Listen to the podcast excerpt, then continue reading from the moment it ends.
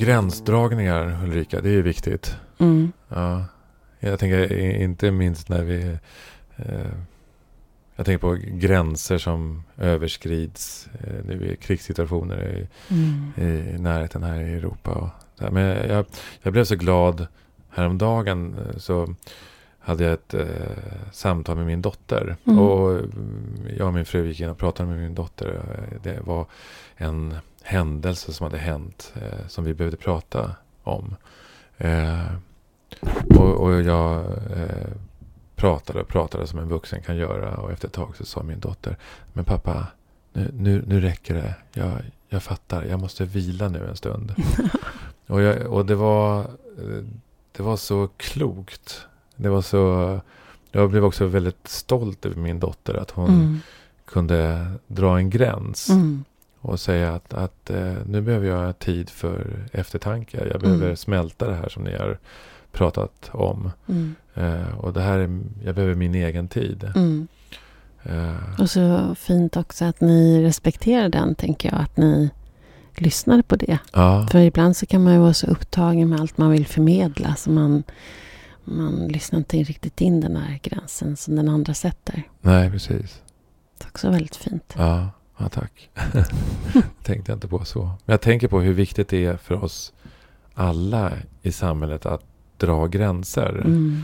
Att, eh, att gränsdragning är, eh, det är viktigt för vår, vårt välbefinnande. Mm.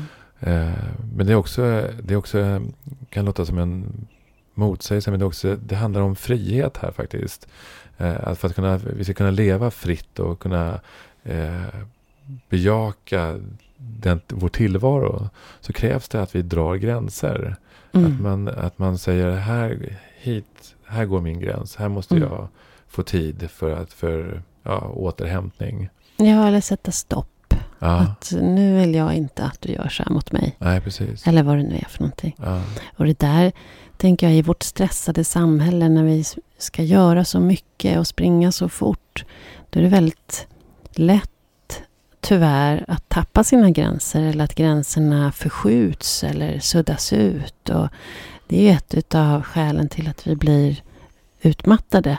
Det är ju att våra gränser invaderas. Att de inte längre respekteras av oss själva och kanske av andra också. Att mm. så att jag tänker att, att vara... Att underhålla sina gränser Mm. är också väldigt viktigt. ja. Att undersöka dem då och då. Står de kvar och håller dem och sitter de där jag vill att de ska vara. ja, precis. Mm. Det, jag tänker nu på vår gäst som ska Mm. komma. Hon är ju eh, ordförande för Svenska Freds och Skiljedomsföreningen. Ja, Eh, och, de har nog haft en del att göra den senaste tiden. Ja, jag kan tänka mig det. Mm. Och det ska också bli väldigt intressant att prata med Agnes Hellström om just det här. Hur, hur hon förhåller sig till sina gränser Mm. när konflikten kommer så här nära in på. Mm. Och när vissa eh, sanningar, eller svenska sanningar, plötsligt har blivit förändrade. Mm. När eh, någonting ganska radikalt har förändrats i svensk politik. Verkligen. Och det är Agnes eh, Hellström. Ja, Agnes eh, Hellström hon är journalist och författare. Mm. Eh, och ordförande i Svenska Freds och Skiljedomsföreningen sedan 2016. Men hon eh, ska sluta nu till någon gång i, i maj tror jag att det är. Och Mm. göra, göra annat. Mm. Eh, och på lördag den 2 april. Då fyller Svenska Freds 139 år. Och det är också det sammanfaller med hennes egen födelsedag faktiskt. Alltså, är det sant? Ja, Ja, häftigt. Eh, Hon har skrivit en hel del intressanta böcker också. ja, hon har skrivit två böcker. Ja. Eh, Och den första boken som eh, var någon form av uppgörelse eh, med hennes egen bakgrund. just det. Ränderna går aldrig ur. Precis. Och, Hennes uppgörelse med sin bakgrund i en så kallad överklassfamilj. mm, Och internatskolan. mm, Hon var ju själv eh, internatelev på Sigtuna humanistiska läroverk. precis. Mm. Och som någonstans ändå eh, mynnar ut i att oavsett bakgrund så har vi ungefär samma behov ja. av att få höra till. Och... Ja, precis. Mm. Um... Det ska bli väldigt spännande. Ja, mm.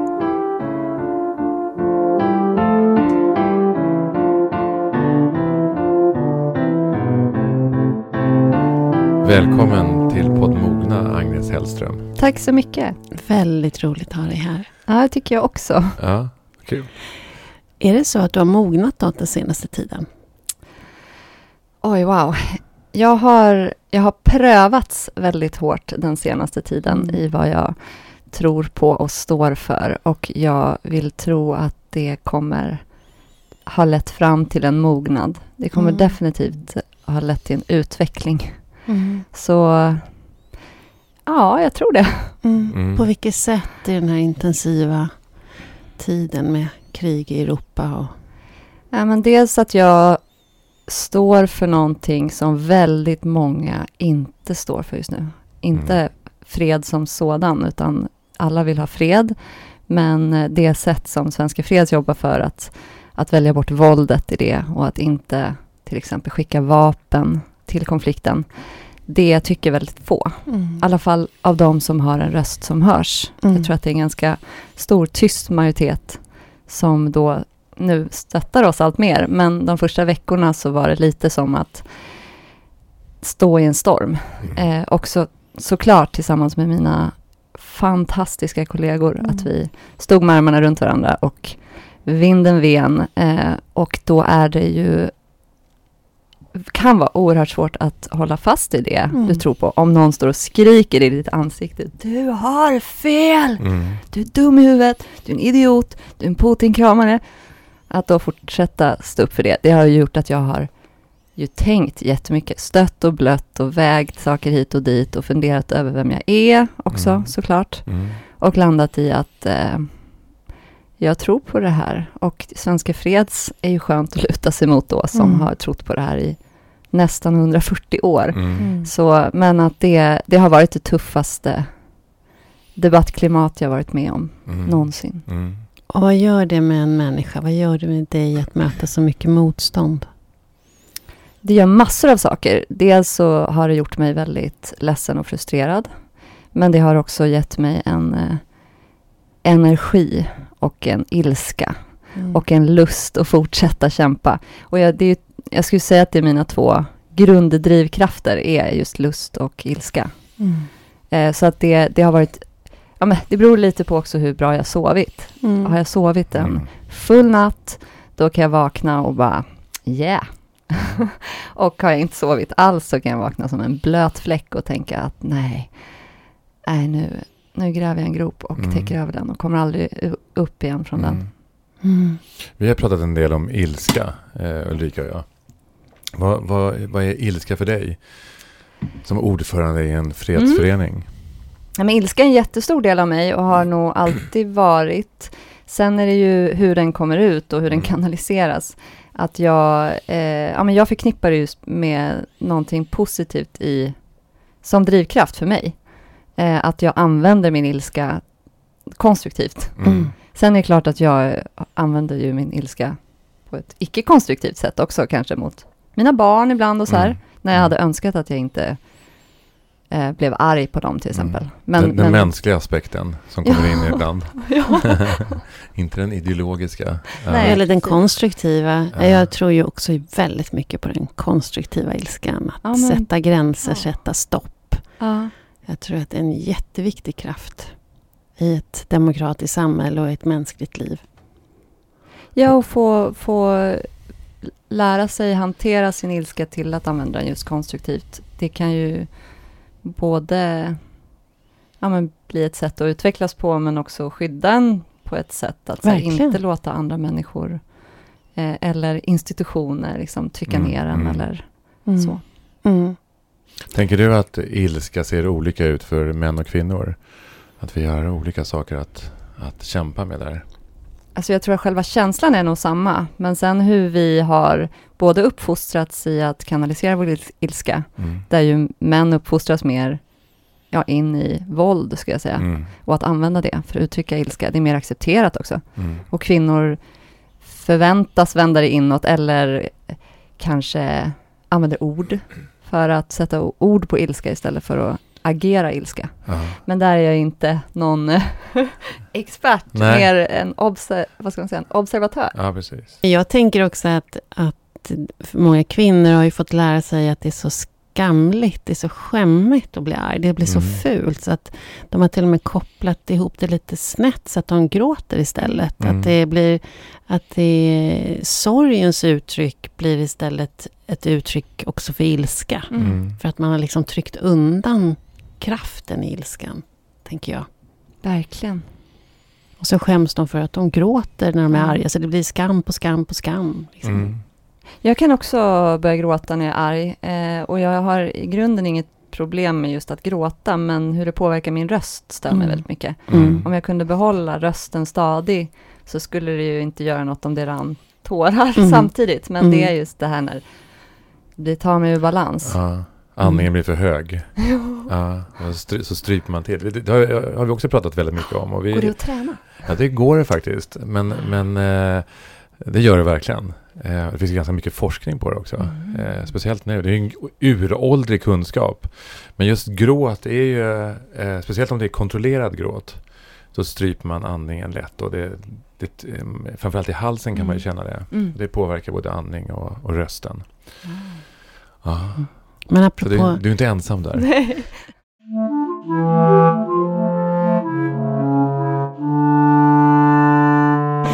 Apropå lärdomar, du, din debutroman hette Ränderna går aldrig ut.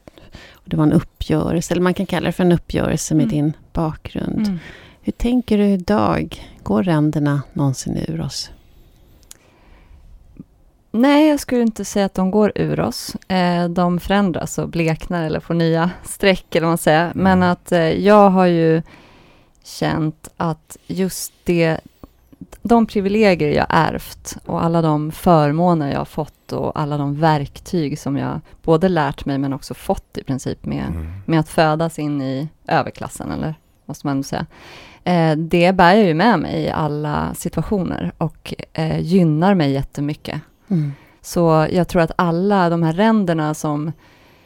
Boken bygger ju på att, att huvudpersonens, eh, eller namnet på boken bygger på att huvudpersonens farbror anser att ränderna aldrig går ur, att du Mm. är den du är och du kan inte, du kan inte få det ur dig och huvudpersonen håller inte med. Hon Mm. blir jättearg och irriterad på att Mm. han säger så. Eh, och sen samtidigt så inser hon någonstans, tror jag, det minns jag inte längre, Mm. och så länge sedan, Ja. men att, att det är ju så. Du, därifrån vi kommer och de, det bagage vi bär med oss, det, det, det bär vi alltid med oss, men det behöver inte betyda att vi inte kan få nya ränder och Mm. att vi kan utvecklas och bygga på det. Mm. Men de erfarenheter jag har från ja, men både min internattid, men också att det, allt det min mamma kommer från och som jag upplevde som barn, som jag trodde var något som alla upplevde, Mm. Mm.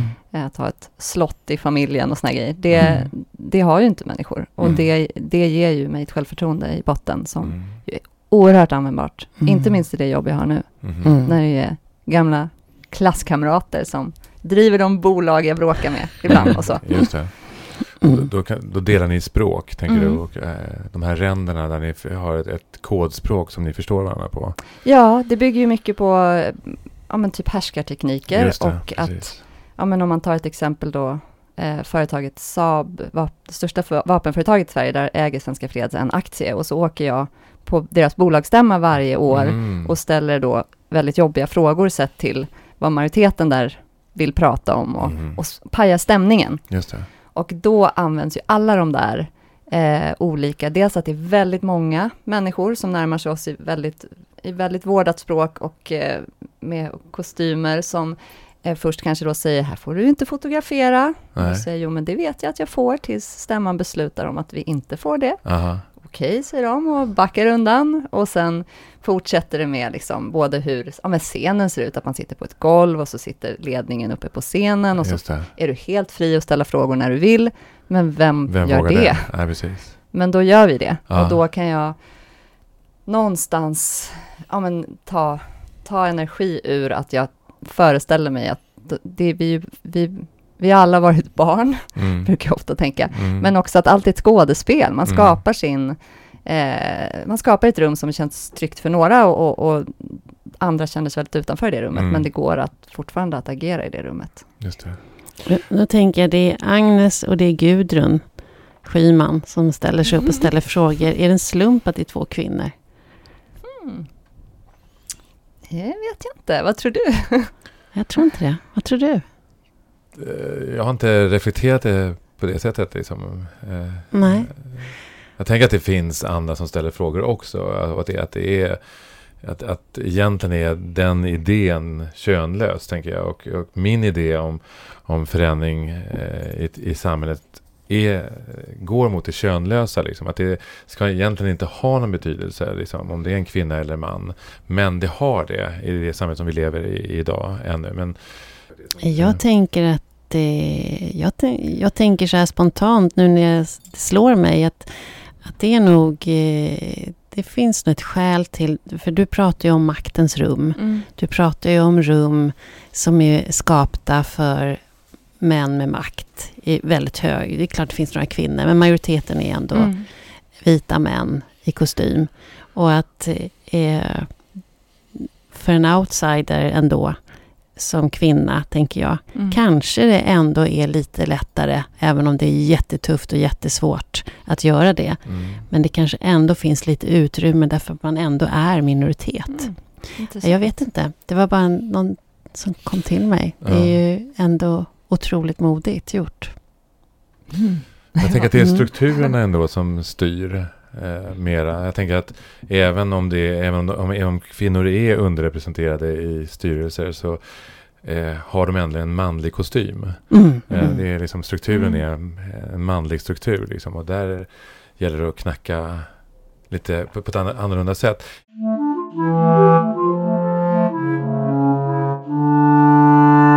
Jag tänker att det är ägandet i Saab som Svenska Freds har. Är det tanken, eh, den är ju lite provokativ. Mm. Eh, både som medlem Mm. kan det vara, men även för de som eh, jobbar för Saab. Mm.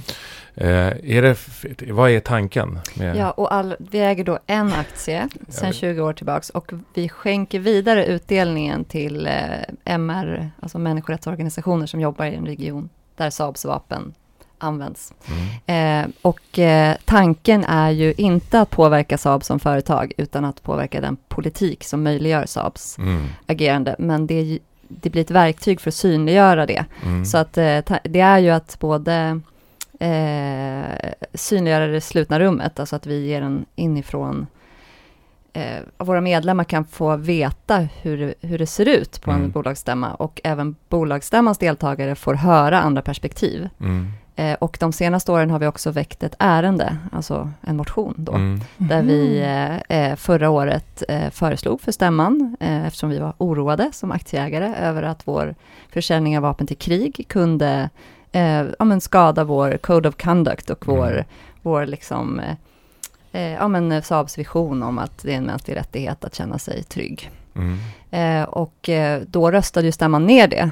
Eh, och det visste vi redan innan och då kunde vi kommunicera. Saabs, eh, ja, Saab röstar nej till att stoppa vapen till krig. Mm. Och då kan vi göra en nyhet av det och få en debatt om det. Mm. Så det är ju inte att förändra Saab som är målet alls. Mm. Eh, och vi har ju också haft fler medlemmar som varit engagerade och säger jag vill, jag vill också köpa en aktie Mm. och komma. Och då blir det den där avvägningen, hur många aktier Mm. eh, ska vi uppmuntra människor att köpa i ett företag som, vars verksamhet vi inte står bakom. Mm.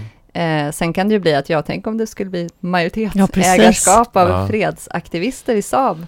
Sannolikheten för det är ju ja, obefintlig ska jag säga, men, Ja. men eh, då skulle vi kunna fatta helt Ja. andra beslut. Mm. Då ska man Mm. kunna få till en förändring. Jag, Alltså jag tror ändå det tror, jag tycker det låter väldigt viktigt och centralt att skapa de där mötesplatserna. Och det där är ju ett sätt att skapa Mm. mötesplatsen. Ja, och det har ju också på flera stämmor kommit fram människor, både som, som uttryckt eh, sympatier och, och stöd till Mm. att vara bra att ni ställer den där frågan. Jag hade ingen aning om det. Mm, mm. Eh, och vad, vad nonchalant svar ni fick från styrelsen. För det är ju, det blir ju också att vi, vi, gör, vi har kommunikationen framför publik Mm.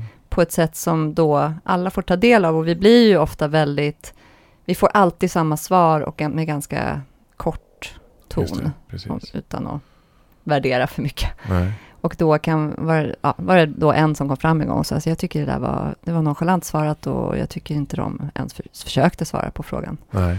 Så det, när sånt händer, det är ju också energi och, och känna att ja, men det, människor bryr sig och sen så när, när alla tycker och tänker och säger samma, vilket jag tror är en väldigt farlig eh, situation, vilket Mm. jag också ser att vi befinner oss i nu då med Mm. kriget, att det finns en så otrolig likriktighet i att då försvinner alla nyanser och, och Mm. alternativ och perspektiv.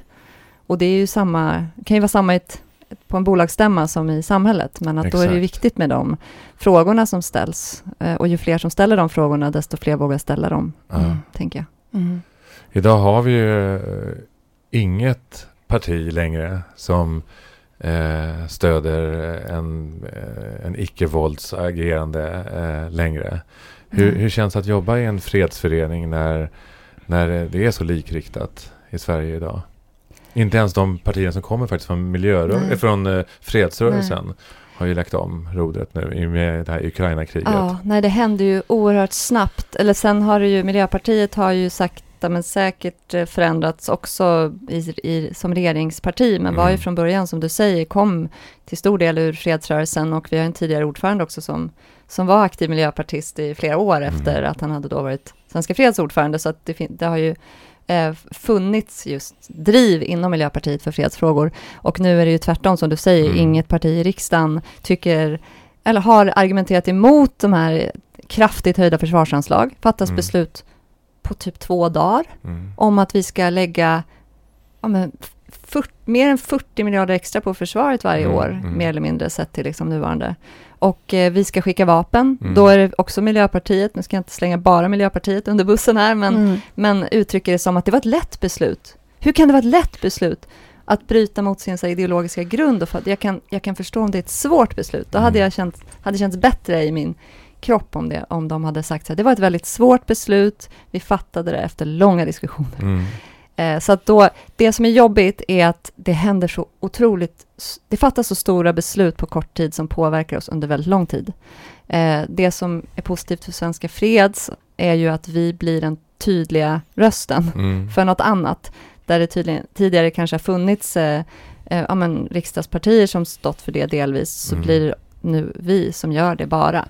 Vilket ju lett både till väldigt mycket ja, ilska, eh, reaktioner och hat mot oss, Mm. men också ett överväldigande stöd. Vi har ju fått jättemånga nya medlemmar Mm. på den här månaden som varit sen kriget bröt ut. Men vad, vad tänker du om man fick bena ner det här till eh, nästan ett men, mellanmänskligt... Mm. Eh, vad är det som... Är det, är det ett tappat perspektiv när man säger att vi ska skicka inte anfallsvapen utan försvarsvapen? Eh, Vad sa du för perspektiv? ett, tappat? att, ett tappat perspektiv på, eh, på att vi inte skickar anfallsvapen, att vi skickar pansarskott till exempel. Mm. Som är, eh, men pansarskott dödar. Det är ju så att, att ett pansarskott, hur mycket vi än försvarar oss, så är det ju så att det, det ska ju tränga in i en, i, ja, i en eh, bil eller eh, pansarfordon av något slag och, och det dödar ju. Eh, är det så att, att våra politiker har tappat det, det perspektivet? Ja, dels så finns det ju ingen vapentyp som heter defensivt vapen tror jag, så Nej. enligt definitionen. Och det handlar ju som du säger också, det är defensivt när du försvarar dig med det, det är offensivt när din motståndare försöker döda dig med det. Ja. Så att det är ju ett sätt att, att argumentera för exporten, skulle jag säga, att använda det uttrycket. För att Mm. det känns ju mycket bättre. Ja, vi vill att Ukraina ska få försvara sig och det vill ju jag också. Jag vill att Ukraina ska vara ett fritt land och den här invasionen är helt vedervärdig på alla sätt och vis. Men eh, det finns jättestora risker med just vapen. Mm. Eh, och där har ju de analyserna har ju inte gjorts, skulle jag säga. Mm. Eh, och med, samtidigt som det har ju lyfts att här, det är oerhört svårt att göra, genomföra en vapenleverans för risken att det hamnar i fel händer, Mm. att de kommer i någon annans ägo på vägen Mm. som inte är dit du har tänkt att de ska komma. Mm. Och det eh, bidrar ju till att striderna pågår längre, vilket alltid drabbar civila. Sen kan ju det vara det som är målet ju, för de som vill skicka vapen, är Mm. att Ukraina ska stå emot längre, Ukrainas väpnade styrkor. Mm. Men att det är ju också den största förändringen nu är ju att Sverige har ju inte på väldigt, väldigt många år just använt Finska vinterkriget läste jag. Ja, precis. Inte Att, liksom, att använda det som ett utrikespolitiskt verktyg. Att, Mm. att man säger så här, Mm. nu, ja, vi hejar på dig i den här Mm, konflikten. mm. Sverige har ju sålt vapen till jättemånga länder i krig Mm, mm. och till både Indien och Pakistan Mm. samtidigt som krigat, krigat mot varandra. Eh, und, ja, ända sedan 50-talet eh, Mm. liksom, löpande. Men att, att det här säga att så här, nu tar vi ställning och förser er med vapen, det har ju inte hänt förut. Så att det är också väldigt läskigt tycker jag om man ser till ja, men, vad det skulle kunna vara för framtida regering i Sverige. Mm. Eh, att den då bestämmer sig för att stötta ett krig och en, ett land och en ledare som jag känner inte alls att jag Mm. här, Mm. oj, vad det här, är det här ens ett demokratiskt land som Mm. har gått i krig? Mm. Det är ju hypotetiskt och liksom längre fram i, i framtiden, men Sverige har ju haft den styrkan att så här, utrikespolitiskt så är det att det är diplomatin som är vår främsta försvarslinje. Mm. Att det är det som ska vara vår, att vi ska vara den medlande rösten som aldrig kompromissar med det perspektivet. Och det är ju det som också händer nu i den här, jag beskriver när allt går så här, som en storm i en Mm. riktning. Mm. Att det, de, de perspektiven tappas bort och det är där konflikten blir löst sen Mm. vid förhandlingsbordet Mm. i nästan alla fall. Och ju längre kriget då pågår innan att förhandlingsbordet tar vid, desto fler människor dör Mm. och desto fler städer utplånas. Mm. Och det ser vi ju hända nu. Det är helt Ja, det är helt horribelt. Och Ja. mer bygger vi på våra trauman som, är, Ja. som kommer hålla på i årtionden, i Ja. generationer. Men Eh, du, det här med eh, det vi vill se då, fred. Mm. Du säger att det görs ju oftast vid förhandlingsbordet. Vad, vad är fred? Om man, vad är definitionen på fred? Ja, men det brukar vi ju prata mycket om i Svenska Freds. Vi har också en utbildning eh, för unga där vi pratar om så positiv och negativ fred. Och det finns ju, eh, ja, just liksom, det finns flera definitioner av fred och vi brukar prata om hållbar fred just för att det är ju Eh, ja, men min kollega brukar säga fred är ett verb, det är någonting vi gör hela tiden och det är något som, det, det är inget statiskt tillstånd utan det, är- vi, vi bygger det hela tiden och för att möjliggöra det så ju fler eh, vad ska man säga, institutioner och, och normer som finns där som uppmanar och, och eh, lagstadgar om att lösa konflikter utan våld, Mm. eh, desto mer sannolikt är det att, att vi kan upprätthålla det tillståndet. Och sen finns det ju de som pratar om så, ja men fred är liksom motsatsen till krig och avsaknaden av väpnat våld. Men, Mm. men, och det, det är ju en annan sak. Mm. Alltså det är Mm. också, kan ju också upplevas som fred, men, men för mig det här att fred är ett verb tycker jag, eh, ja men det blir både för mig som individ, att jag, jag, det jag gör och hur jag är mot människor, det påverkar i det stora. Mm. Mm.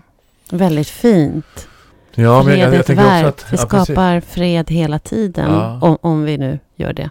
det är som med Ja. demokratin, att vi tror Mm. att den är någonting som är befäst, men Mm. den kan ju förändras över en natt. Eh, om vi inte Verkligen. jobbar på den varje dag.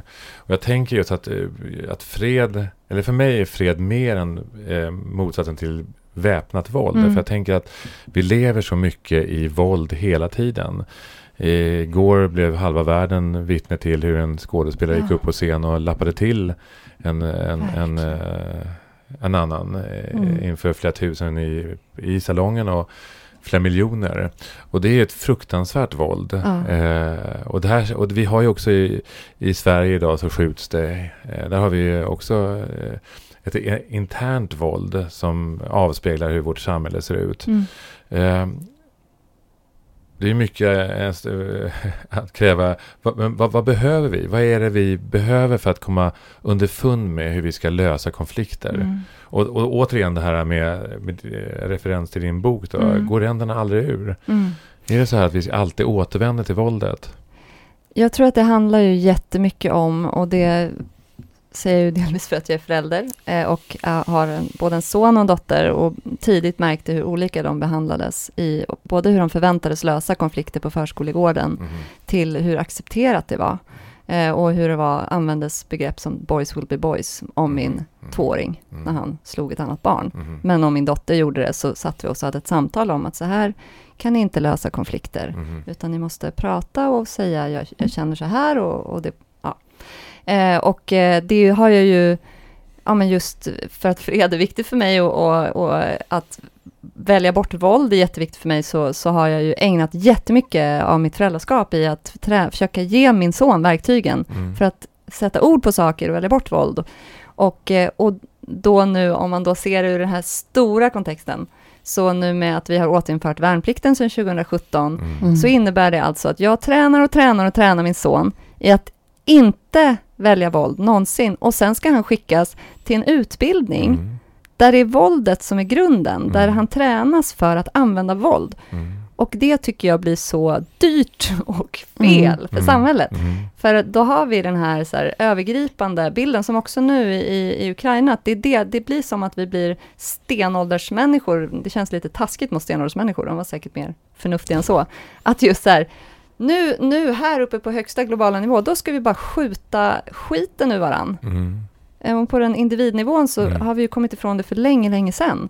Så att det är ju, det är en, jag skulle inte säga att det är liksom ränder som sitter i oss, utan att det är mer det här, så här som när, när saker förändras, att det är de med mest makt som måste börja förändra. Det är Mm. samma på internatskolan, det var det jag var så arg på, att det var så här, tidigare elever, gamla föräldrar, som satt och upprätthöll höll destruktiva strukturer som drabbade oss barn Mm. och förväntade sig att det var vi, vårt ansvar, vårt fel, att det Mm. hände någonstans.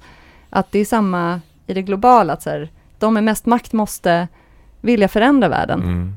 Annars så kommer vi fortsätta att lösa konflikter med våld. Mm. Och vi ser ju hela tiden vad det, vad det gör mot människor, men det finns ju de som tjänar jättemycket pengar på det. Och Mm. det är också, ligger ju i, i potten, eller vad man ska Mm. säga. Mm. Men det, Det känns rätt hopplöst nu. Åh nej, nej. Hur ska, hur ska människor på de här positionerna, hur ska de få kraften och modet och verktygen för att... Göra något annat. Ja. Det finns ju eh, ljuspunkter och eh, ledare. Jag tänker eh, eh, Nya Zeelands eh, Ja, premiärminister. Mm. Tycker jag är en så här otroligt skön Vi är lite person. lika varandra till och med. Ja, det tycker Ja. jag verkligen. Ja, ja. Nu smickrar du mig för mycket här. Alltså. Nej, jag, jag skojar. Även det, jag blir glad Ja, om du säger ja, så. ja. Men eh, att, att vi liknar varandra utseendemässigt kanske kan betyda att vi vill samma sak någonstans. Nej, men att, att hon har ju både så här förbjudit kärnvapen. Eh, hon har sagt nej, vi vill inte skicka vapen. Vi tror på diplomatin och det humanitära rummet som ser ganska tomt ut just nu. Mm. Så där ser vi att vi har en jätteviktig roll.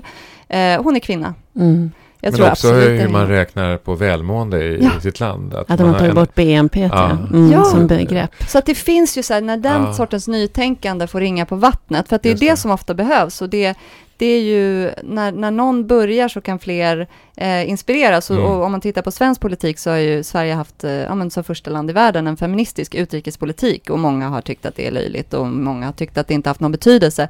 Men det har haft jättestor betydelse för andra länder Mm. och andra feminister och, och kvinnorättskämpar som liksom har använt det som en så här, titta Sveriges regering har en Mm. feministisk utrikespolitik. Mm. Så att det är det, så här, när du väl väljer att göra någonting som makthavare så kan det ha otrolig betydelse. Mm. Mm. Och, eh, och det är det jag tänker att så här, ja men jag brukar, när jag fyllde 40 så beskrev jag det som att, att jag kom in i the golden years. Att nu är det 20 år när jag kommer ha som mest makt och inflytande i mitt liv antagligen. Mm. Mm. 40 till 60 ungefär. Så här. Mm. Sen, ja, men sen kommer det komma in andra saker som, Mm. som påverkar min makt och hur folk upplever mig. Mm. Och att, att då är det min skyldighet att använda den makten Mm. på ett bra sätt. Och att Mm. inte gå i fällor som jag själv utsattes för som junior till Mm. exempel. Mm. Hur jag ser på andra människor och deras meriter eller deras... Att jag inte, att jag inte blir en sån som jag själv ville... Precis. inte ville bli. Och här har vi Väldigt de här... mycket kloka saker. Mellan 40 och 60 har du som mest makt. Se till att använda den. Den då, är ju- då måste jag ju rappa på här nu, för jag går det är ju lite fort mot krisigt 60 här. Ja. Eh, jag har Du inte- kanske jag- jag- har gjort något bra av din makt.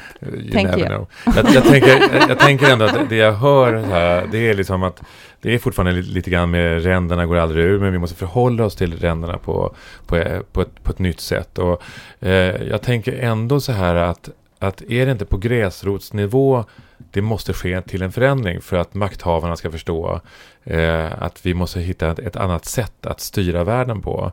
Är det inte på det mellanmänskliga planet vi måste, för jag, för jag tänker ibland, alltså, eller min reaktion är när, även fast vi har sett tendenser sen, egentligen sedan 2008, Mm. eh, och ännu tidigare egentligen också, men 2008, 2014 eh, med hur Putin har agerat, så har vi någonstans vetat att det här är på väg. Mm. Eh, och ändå blir vi tagna på sängen. Det handlar om att medvetengöra sig eh, dels om det större perspektivet, men också med det här mellanmänskliga perspektivet.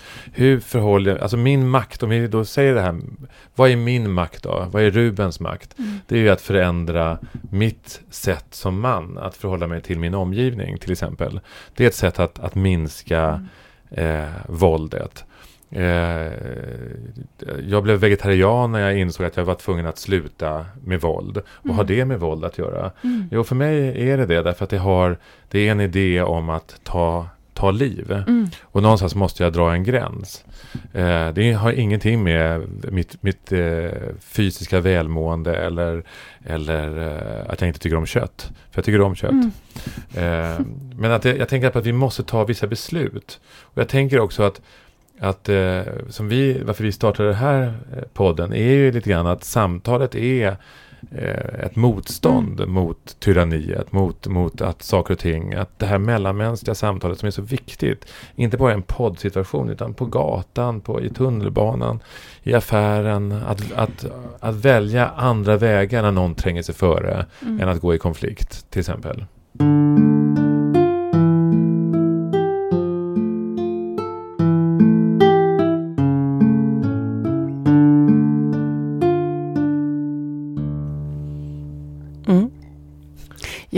Jag, är tillbaka till det du sa om, eh, vi har kommit så långt ifrån, du pratade om din son, Mm. att vi, det är så länge sedan vi, eh, eller att vi har kommit så långt ifrån våld eh, när vi pratar om våra barn eller med våra barn och sådär. Och samtidigt så ser vi nu jag kan, jag kan ju se utifrån mitt perspektiv att det här handlar ju också lite grann om en klassfråga. Det finns ju vissa områden i vårt samhälle där våldet verkligen Mm. ökar. Mm. Eh, och sen tänker jag på när det var pandemi och alla stängdes in i sina hem. Så ökade våldet i hemmet Mm. enormt. Mm. Flera hundra procent. Mm. Så att det finns ju, våld finns ju väldigt närvarande i vårt samhälle Verkligen. fortfarande. Verkligen. Och hur tänker du kring det när det gäller fred och, och hu- hur... Nej, men som en, att knyta an till det du sa nu också, att så här, konsekvenserna av krig blir ju också, och nu särskilt i Ukraina, med den här otroligt smärtsamma familjer som splittras vid gränsen för att männen måste Mm. stanna och kriga. Att de män som kommer hem, att eh, risken att de tar med det våldet Mm. hem Mm. ökar ju väldigt mycket av att ha varit i den typen av strider och trauman och ja, det, jag kan knappt tänka på det för jag tycker det är så jobbigt Mm. när man börjar tänka på de här individ, alltså de här, varje individuell familj i Mm. det här, alla de här miljoner människor Mm. som drabbas. Som, som du sa Ruben, liksom alla, alla trauman som, Mm. jag har ju själv ett trauma, så min pappa dog när jag var fem och det Mm. är ett trauma för Mm. alltid för mig. Mm. Det har, ja, men jag, har fått jätte, jag fick jättefint, starkt stöd från Sverige när vi kom tillbaka, vi bodde i Mosambik då. Men att så här, all, hade jag mött allt det motstånd som många som flyr till exempel möter, i att Mm. och ens kunna hantera sitt trauma och bära det. Och, ja, Mm. Mm. det, det ja, jag kan knappt tänka på det för att Mm. jag, jag blir väldigt, väldigt ledsen. Också kriget i Jemen och alla barn, alla Mm. barn i Mm. Jemen som liksom Mm. bara vill växa upp i fred. Mm. Men, men jag tror också att så här med eh, våld, eh, måste tänka vad det var du frågade mig. Nej, jag tänker på vad... En sak är ju när vi pratar om makten och, och krig på den nivån. Men vi har ju också våldet väldigt Mm. nära in på oss i Mm. samhället. Och hur... Jag kan tänka ibland så här, vad, vad ska vi göra? Mm. Mm. Apropå ränderna går aldrig ut. Ska vi gå runt med det här våldskapitalet 2022 och fortfarande så slåss man i hemmen. Ja. Det är fortfarande... Våldet ökar i utsatta områden. Men det som alla organisationer som jobbar med de här frågorna, oavsett om det är så här mäns våld mot kvinnor eller eh, ja, men fred, det är ju förebyggande. Lyfter ju Mm. alltid om att så här, när vi kan jobba med gruppen som liksom bär på våldskapitalet till exempel då, eller som använder våldet, om de får verktyg att förändra Mm. det, det är då vi kan göra skillnad. Det är inte att låsa in dem allihop så snabbt Mm. som möjligt och så länge som möjligt, utan att ge dem stöd i att hitta en väg ut ur våldet Mm. eller att inte hamna i våldet. Så det, jag, det är det jag tänker så här också när, när du kände nästan uppgivenhet. Mm. Och så började du prata om gräsrötterna. Att Mm. jag tror att det, är- det är klart att gräsrötterna gör en jättestor skillnad. Mm. Eh, men till exempel om man tar vegetarian-exemplet då, att vi har, så här, vi har fortfarande en väldigt stark köttnorm. Då Mm. kan jag som individ bli vegetarian. Men jag går in på en restaurang så är det alltid lite jobbigt. Mm. Kanske ännu mer om jag är vegan. Jag måste, jag måste gå över en extra tröskel för Mm. att göra det här valet. Mm, mm. Hade då restaurangen tagit för givet att jag var vegetarian så Mm. hade ju det varit mycket lättare och fler hade råkat bli vegetarianer utan att ens reflektera över det för de skulle bara få vegetarisk Mm. mat.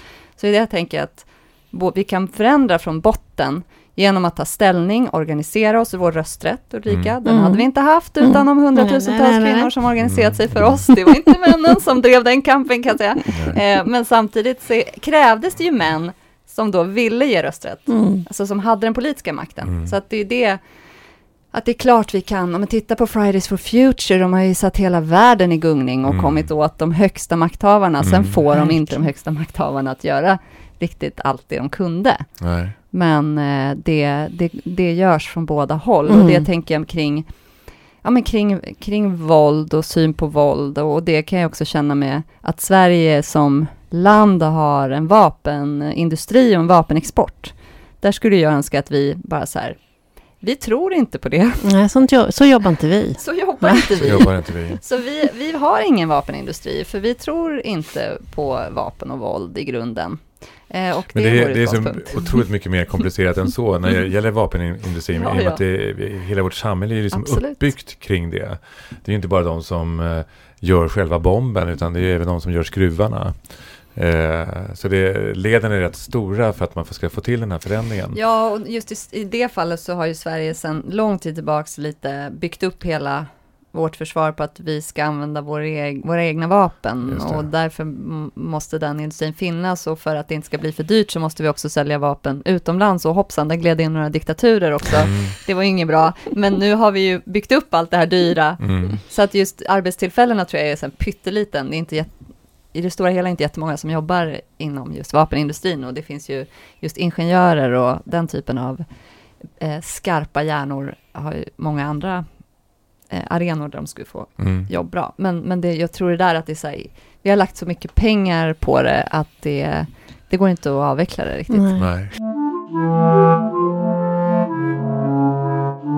Men du, fred. Är en del av att nå fred, är det att undvika konflikter? Nej, konflikter måste vi ha. Mm. Eh, jag har jättemånga.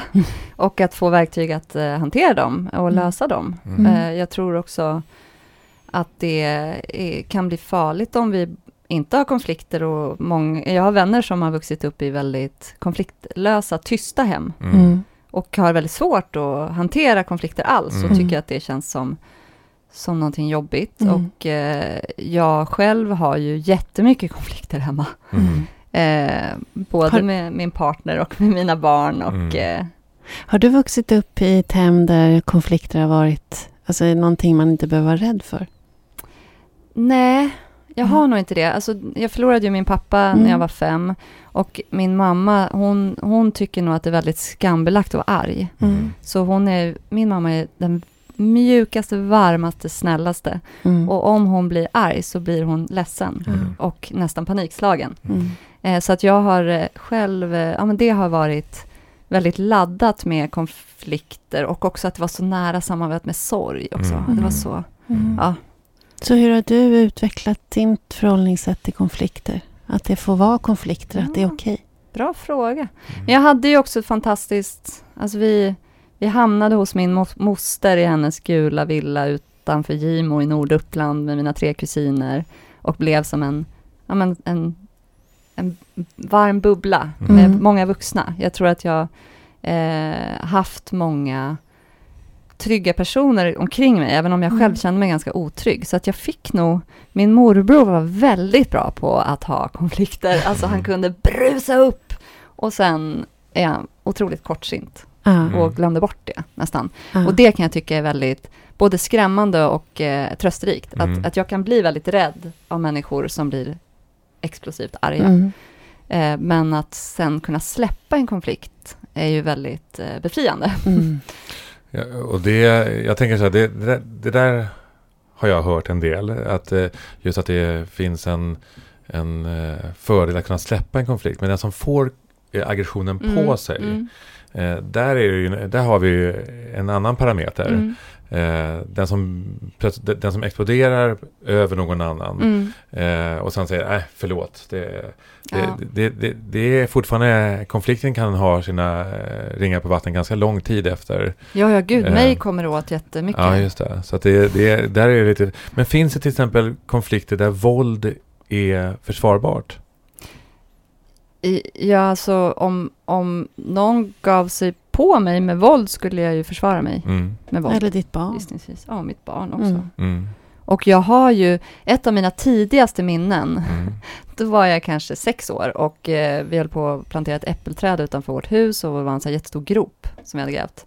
Och då lekte vi den och min kusin då, som var en av de här som jag bodde i den gula villan med, eh, vi lekte tillsammans, var lika gamla och så kom då en kille som bodde på gatan som var några år äldre som började, jag kommer inte ihåg vad han gjorde, men han var liksom hotfull. mm, Eh, och då bet jag honom i armen. mm, Eh, och jag fick så otroliga skamkänslor. Han började gråta och sprang Mm, hem. Han mm. var, vad var han då, nio år kanske? mm, Eh, men jag gjorde det för att skydda min kusin och mig själv också Mm. gissningsvis. Men sen låg jag och väntade på att hans mamma skulle komma och vara arg, mm, vilket hon aldrig gjorde. mm. Och det fick jag också ont i hjärtat av, Mm. att, eh, att, nu ska jag inte säga hans namn, att han Det- sprang ingen hem. försvarar och honom. Ingen, ingen tröstade kanske honom. Mm. Han, han kunde väl antagligen inte säga att, att han hade hamnat i det där läget heller. Mm, Eh, och då använder jag ju våld. Det är ju Mm. våld att bita någon. mm. Så det har jag ju gjort redan Mm. i livet. Ja, du var ett barn. Ja, Ja. ja, men, ja. ja, men och att det är ju det som, apropå det här så här, ränderna går aldrig ur. Vi föds ju kanske med en impuls att använda Mm, våld. mm, Eh, och så kan vi behöva det i, i alltså det är ju en, eh, det beskrivs ju ofta hur, hur så mödrar lyfter bilar mm, eh, när barn hamnar under. Mm. Och jag, jag blev rånad i Mosambik när jag var ja, tillbaka då många år senare. mm, Eh, alltså, eller väskryckt blev jag inte. Mm. Och då sprang jag i kapp tjuven. mhm, Jag skrek, jag hörde ett skrik som var så här, herregud vad är det där för ljud? Och så Mm. var det jag. mm, Och så sprang jag i kapp tjuven Mhm. och tog tillbaka min väska. Det hade Mm. jag ingen aning om att den kraften fanns. Och det är ju Mm. var ju också, det är samma, det är samma, alltså det, det är våld och det är styrka. Det är ju Mm. samma sak på Mm. ett sätt. Och så är det hur man använder det. Mm. Så, så att, eh, ja, jag tror att ju fler verktyg vi får att, att prata istället för att slåss, desto Mm. mer undviker vi våld. För att Mm. våld är alltid jobbigt. Det, jag tror att de som använder våld känner alltid efteråt, om inte annat, äh, ångest över det. mm, mm, Att säga, jag gick över en gräns som inte känns bra, gjorde illa någon, gjorde kanske illa mig själv också. mm. Det tror jag. Nu pratar vi om fysiskt våld, men det finns ju faktiskt verbalt våld också. Och oh det ja, har oh vi ja. rätt mycket av i vårt samhälle också. Verkligen, Eh, verkligen. som också är väldigt komplicerat. Och, och svår. Man Ja. brukar prata om att psykiskt våld kan ibland faktiskt vara värre än Ja, det fysiska våldet. Just för att det inte blir blåmärken. Nej, just för att det precis. inte Mm. syns. nej. Men att det skadar så enormt. Mm. Det, ja. Och det kan jag bara det här, ja, men som nyligen då med beskedet att nu har talibanerna landat i att flickor inte ska få gå i skolan. Mm. Det är ju våld. Mm. Att, att frånta Mm. dem Mm. sin rättighet, att, sin mänskliga rättighet att lära sig läsa och skriva och, och Mm. bli använda ja, till att stärka sin egen makt med det. Mm. Så det är också våld, Mm. Verkligen. att kränka människors rättigheter. Jag tänker, jag tänker ofta nu med kriget i Ukraina. Jag har två söner i 20-årsåldern som är vältränade. Och som definitivt, om de hade varit där, hade blivit ivägskickade i krig. Alltså jag kan inte tänka mig någon större våld som jag skulle utsättas för. Mm. Än att Nej. mina barn skulle ta sig ifrån mig för att de skulle ut i våld. Mm. Alltså det, är- jag kan inte tänka mig en större slag. Så att det är, det är våld, Mm. verkligen. Jag håller med. Vi, vi lever ju nu i en ganska mörk period. Eh, och eh, tittar vi historiskt på det så finns det eh, ganska tydliga jämförelser med vad som har skett innan andra världskrig. Eh, eh, och det är ju lätt att gräva ner sig Mm. just nu och tappa sugen lite grann. Men vad tänker du att vi behöver? Vad är det vi behöver för att inte tappa sugen? För att kunna utvecklas vidare. Eh, för jag, jag tänker ändå att det här är ett bakslag, ja. Mm. Eh, men jag vill ändå tro på att vi är en bättre generation än generationen Mm. innan. Och att, att vi har en möjlighet att våra barn ska bli ytterligare bättre. Mm. Men vad är det vi, vi, vad behöver vi? Vi har ju varit inne på det lite grann under Mm. hela samtalet egentligen. Men vad, vad tänker du så här, vad behöver vi på individnivå egentligen för att vårt samhälle ska utvecklas åt rätt håll? Hopp är väl en bra eh, början. Mm. Mm. Ehm, jag tänker också, nu apropå just eh, hopp för framtiden, så Mm. Ungdomsbarometern tittar ju varje år på hur unga ser på vilka de så viktigaste frågorna är. Mm. Och eh, nu fick ju de frågan innan kriget i Ukraina och det har ju förändrat Mm. opinionen på många sätt. Mm. Men att då var det ju jämställdhet, vård och ehm, miljö Mm. som var de frågor som de såg så här, det här är det vi måste prioritera för en Mm. hållbar värld och eh, militärt försvar var långt ner på listan. Mm. Eh, och jag tror att så har det ju sett ut även i min generation tror jag, Mm. att när vi var unga så var vi vi måste komma åt det där. Mm. Eh, både att, be, att beskylla unga för att ta ansvar för vår framtid, Mm. som eh, att, för det är vi som har ansvar för den, vi som har mest makt, lite där. Vi är golden yearsare. men, men sen tror jag att, att alltså jag har, eh, och jag funderar ofta på varför, men att jag, jag kan, eller jag har en katastrofberedskap eh, i mig, inbyggd Mm. tror jag, från, för att jag förlorade en förälder. Mm. Att det värsta har hänt mig, Mhm. på sätt och vis. Eh, och jag är beredd på att det värsta händer igen. Mm. Eh, och, och det värsta som kan hända är ju ja, men antingen att jag själv dör eller att mina nära och kära dör. Eller för Mm. mig är det den. Eh, och det kommer ju hända mig förr eller senare att jag själv dör och jag har bara ett liv och det pågår just nu. Eh, och det måste jag göra någonting bra av. Mm. Eh, och då kan jag inte gå runt och vara rädd för att det ska bli krig riktigt, för att jag kan ju också bli överkörd av en lastbil. Mm. Det är kanske mer sannolikt just nu egentligen, Mm. alternativt att någon jag älskar blir påkörd av en lastbil. Så att då, ehm, jag har tagit fasta lite på en, eh, jag lyssnade på ett radioprogram eh, där det var en finsk eh, journalist med som hänvisade till en tidigare finsk president och han brukade säga att när vi inte vet vad som ska hända så ska vi utgå från att det kommer gå bra. Mm. Mm. Och eh, det tänker jag kan hjälpa oss väldigt mycket, för att om vi hela tiden går och tänker kriget kommer, kriget kommer, kriget kommer, Mm. och kriget kommer, ja då kan vi säga, ah, jag sa ju det. Kriget Mm. kom och så har du Mm. mått jättedåligt i Mm. flera år kanske. Mm. Men om du går och tänker så här, nej, det ska inte komma något krig och jag ska göra mitt allra bästa, både för att liksom leva Mm. och också för att undvika att det blir ett krig, Mm. och kriget ändå kommer, Mm. så har jag gjort mitt allra bästa. Och så kan jag känna, va, kom det ett krig? Mm. Vad förjävligt, nu får jag organisera mig mot det istället. Så det, det är svårt att, det kan vara svårt att känna hopp i dessa tider, Mm. eh, men det kommer gå bra.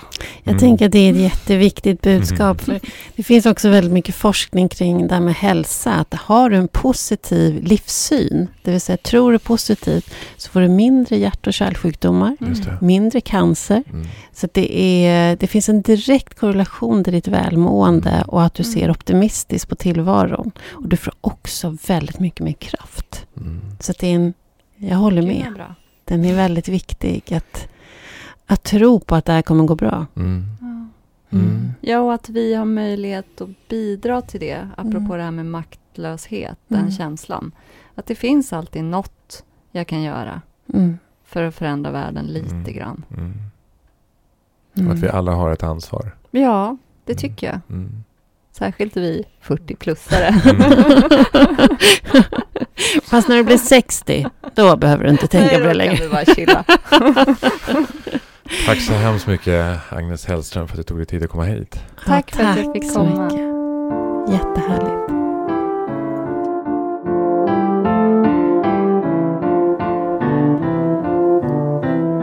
Tack Agnes Hellström. Mm, tack Agnes. Ja, Många tankar. verkligen. Det här med Nej. fred är inte så jäkla enkelt. Nej, det, det är det verkligen inte. Man kan ha en idé om att det är fred vi vill ha. Och det vill ju, eh, tror jag, alla människor. Det tror jag också. Eh, men eh, det är också en- ett aktivt val. Mm. Att välja fred Mm. istället för eh, en aggressiv konflikt. Mm. Eh, eller en våldskonflikt. Det är, inget, det... det- är ingenting som är självklart. Nej, inte tänk, om ens systrar och bröder, om ens föräldrar, ens barn är hotade. Det är inte lätt att tänka fred då. Om man tänker nu på att man, om det nu rullar in Ja, våldsmän över Sveriges gränser ja, och ens släkt och vänner. Alltså när det kommer så nära menar jag. ja, just det. Alltså då är det inte lätt att välja fred. Nej, jag tänker att då är det en annan situation, tänker jag. Jag tänker att fredsarbetet är någonting som är förebyggande. Mm. När väl kriget är på plats så är det andra val som krävs. Mm. Eh, och eh, Fast samtidigt är det ju det vi pratar om. För nu är kriget på plats. Inte i Sverige men i Europa. ja, Det är ändå det vi pratar om. Att välja. Att inte välja att skicka vapen. Utan välja att bidra på annat sätt. i ett fredsarbete istället för ett våldsarbete. just det. Och det- är verkligen inte lätt. Nej, det är inte lätt. Men, men där tycker jag ändå liksom att, det, att det är ändå annorlunda. Ja, det är krig i Europa. Men eh, jag anser ju att Sverige kunde ha gjort eh, på ett annorlunda sätt. Än Mm. vad, vad de beslut eh, som har tagits i svenska riksdagen. Mm. Eh, därför det är ju trots allt så att eh, de här, det som vi bidrar med dödar andra människor. Eh, och och, och det, det leder ju väldigt sällan om någonsin till någonting gott. Nej, jag, jag håller helt med dig eh, i det. Och samtidigt så förstår jag så väl känslomässigt. Jag menar, se de här bilderna på de här pojkarna. Unga pojkarna som tvingas ut i krig. Familjerna som skiljs åt. Det är klart att man känner sig man vill hjälpa dem. Mm. Man, man, det kunde varit mitt barn. Det kunde varit min man. Det kunde vara...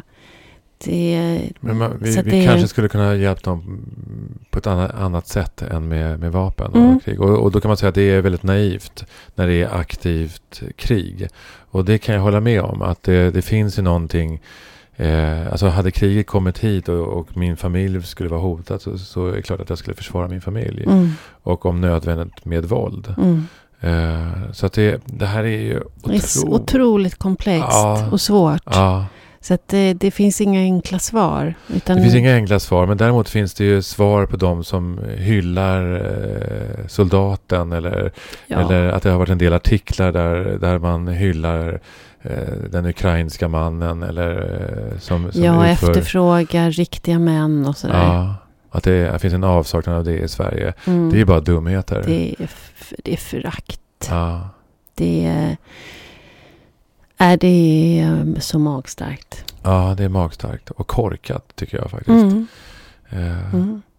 Och sen är det så tycker jag ändå att, att vi, eh, ja vi lever nu i en krigstid men det är otroligt viktigt då att vi på den vardagliga basisen, liksom att vi där möter varandra på ett fredligt och kanske på ett eft- extra eftertänksamt sätt. Mm. Att vi är mer noggranna nu i en tid när våldet är så närvarande. Mm.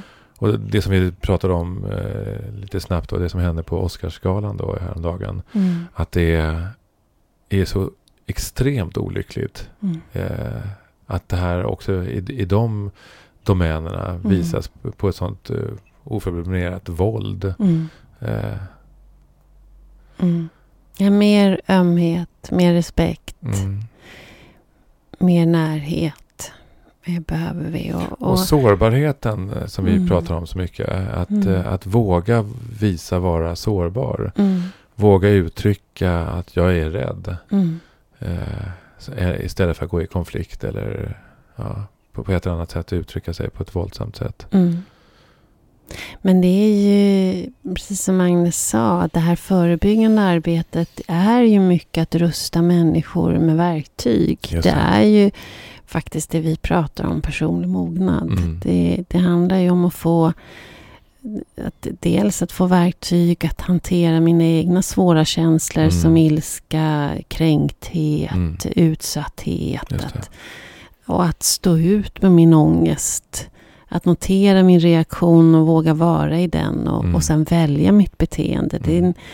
det är en, det är en utbildning vi, vi går i, i det som kallar livet. Ja, ja verkligen.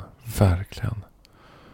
Ja. Så det kan man ju också fundera över hur mycket av det lär vi våra barn och ungdomar i, i hemmen och i skolorna att Mm. det är en det, det är kanske en av de viktigaste förebyggande eh, insatserna man kan göra för Mm. att vi inte ska agera med våld. Mm. Och att förstå liksom att, eh, att vi inte är ensamma i samhället. Utan att vi verkligen är en del av ett samhälle. Att mina, mina aktioner påverkar samhället i stort. Mm. Eh, även om det är på hemma, hemmaplan. Mm. Mm. Ja, Mm. det är mycket att kämpa med. Och det, jag, jag kan också känna det här att, det, att jag ibland balanserar på det här med att, att känna, är det här övermäktigt? Orkar jag Mm. eh, tro på att det finns en annan väg? Mm. Eh, det låter nästan religiöst och det kanske är lite religiöst. Och samtidigt är det ju väldigt handfast egentligen. Liksom. Det Mm. handlar ju om att vi måste medvetandegöra oss. Och vi har ju löst konflikter i tusentals år nu med våld. Det är ju dags att göra det på ett annorlunda sätt. Verkligen. Ja. Verkligen. Och att eh, bara att vi... Att, ja, nej men det, det, alltså det här att vi pratar om att det är så komplext. Alltså jag tror att vi är många som, som känner vi kan inte bara stå och se på. Vi måste agera. Mm. Och sen så har vi då väldigt olika sätt att se på hur Mm. man agerar. Mm. Men det där tror jag vi väldigt många känner. Mm.